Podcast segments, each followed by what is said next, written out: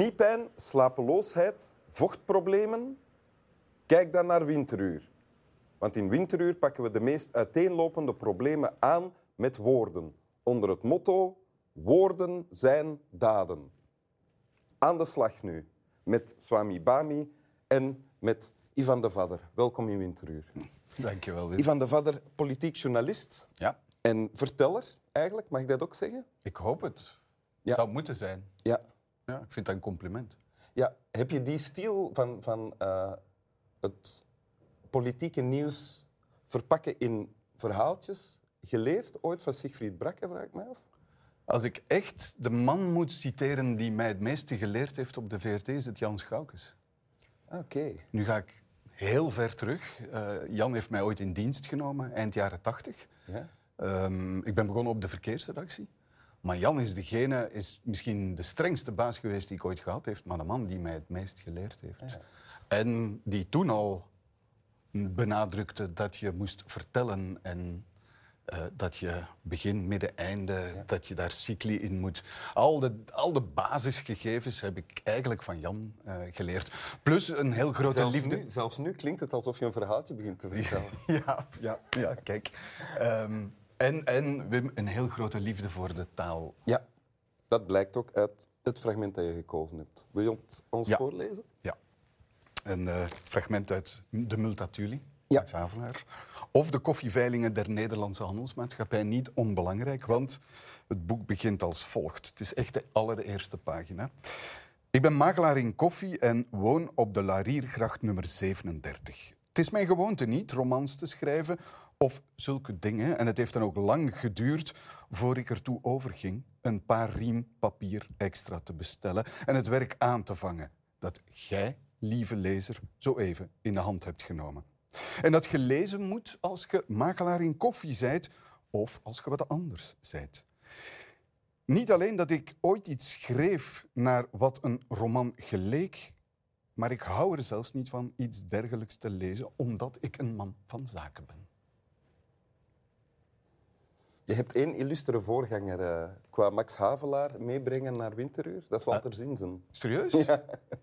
Ja. Die had een ander, een ander fragment. Ja, nee, ik vind dit gewoon. ehm, ik vind eerste zinnen ongelooflijk belangrijk Oh ja. in boeken, omdat eh, boeken, films, alles, alles wat eigenlijk eh, fictie is, heeft een ongelooflijk mechanisme en dat heet in de taalliteratuur dan de suspension of disbelief. Ja? Het opheffen van het ongeloof. Ja. En zo'n eerste zin is ongelooflijk belangrijk in het opheffen van dat ongeloof. Zodanig dat je na één zin eigenlijk al in een situatie zit waarin je denkt van ja, oké, ik ben ergens anders. En hier, in het stuk dat jij nu hebt voorgelezen, is een iemand aan het woord die eigenlijk bijna letterlijk dat probeert te doen. Hè? Ja, Als ik, ik ga parafraseren wat hij zegt, moet jij bevestigen of het klopt. Dat ik, dus- iemand is hier aan het woord die zegt... ehm, vertrouw mij, want ik ben geen romanschrijver, ik ben geen verhaaltjesverteller, ik ben een zakenman. ja. Dus wat ik te vertellen heb, is wel waar en de moeite waard. Juist. Ja. En ehm, ik ben het ook niet gewend om dit te doen. En toch ga ik u een verhaal vertellen.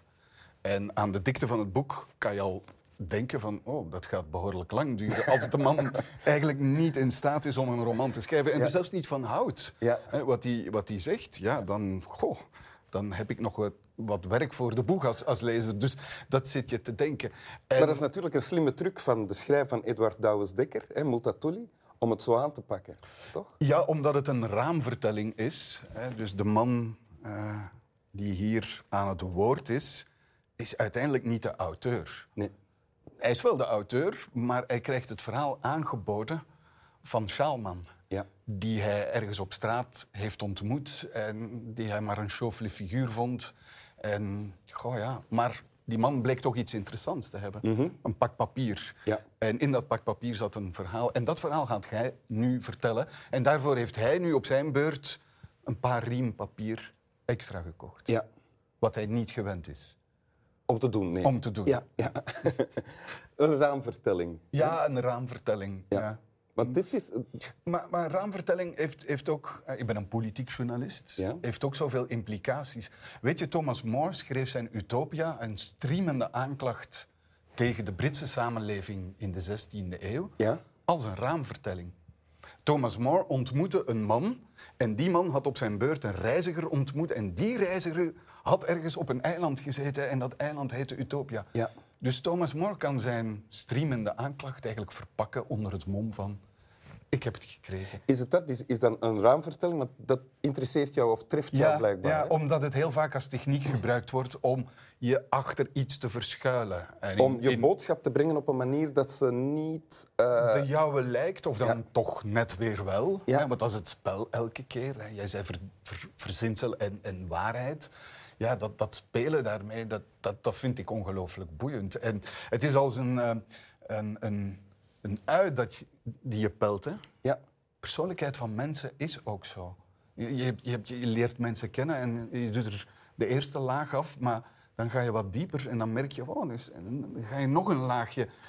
Eh, Is, maar is dat ook wat je doet in je werk? Of probeert te doen? Om eh, deurtjes open te doen en te kijken wat er daarachter zit? Ja. Om lagen te... Ja. En vermits ik intussen al op een zekere leeftijd gekomen ben, in het begin ga je... Al is dat niet te zien, maar bon. Dankjewel.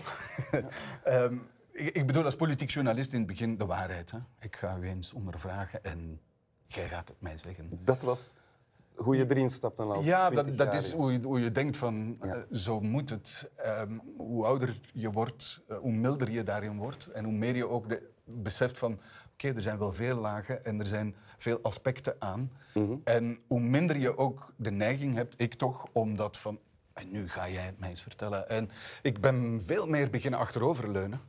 Ehm, Luier als journalist? Nou, dat vind ik niet. Nee. Ik vind niet dat dat luier is.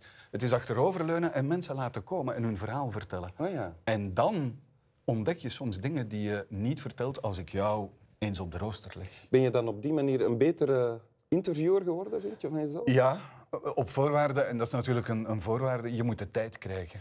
Je, dat doe je niet op twee minuten of op vijf minuten. Ja. Daarvoor heb je een uitzending nodig die, ja, waar je een beetje de, de rust krijgt en de tijd krijgt om iemand te laten komen, te luisteren en te denken van dit is interessant, dit heb je nog nooit verteld. Wat ben je daar eigenlijk aan het zeggen? Ik denk, als, eh, als ik politiek journalist was en jij politicus, ik zou niet veel moeite hebben om jou te laten komen.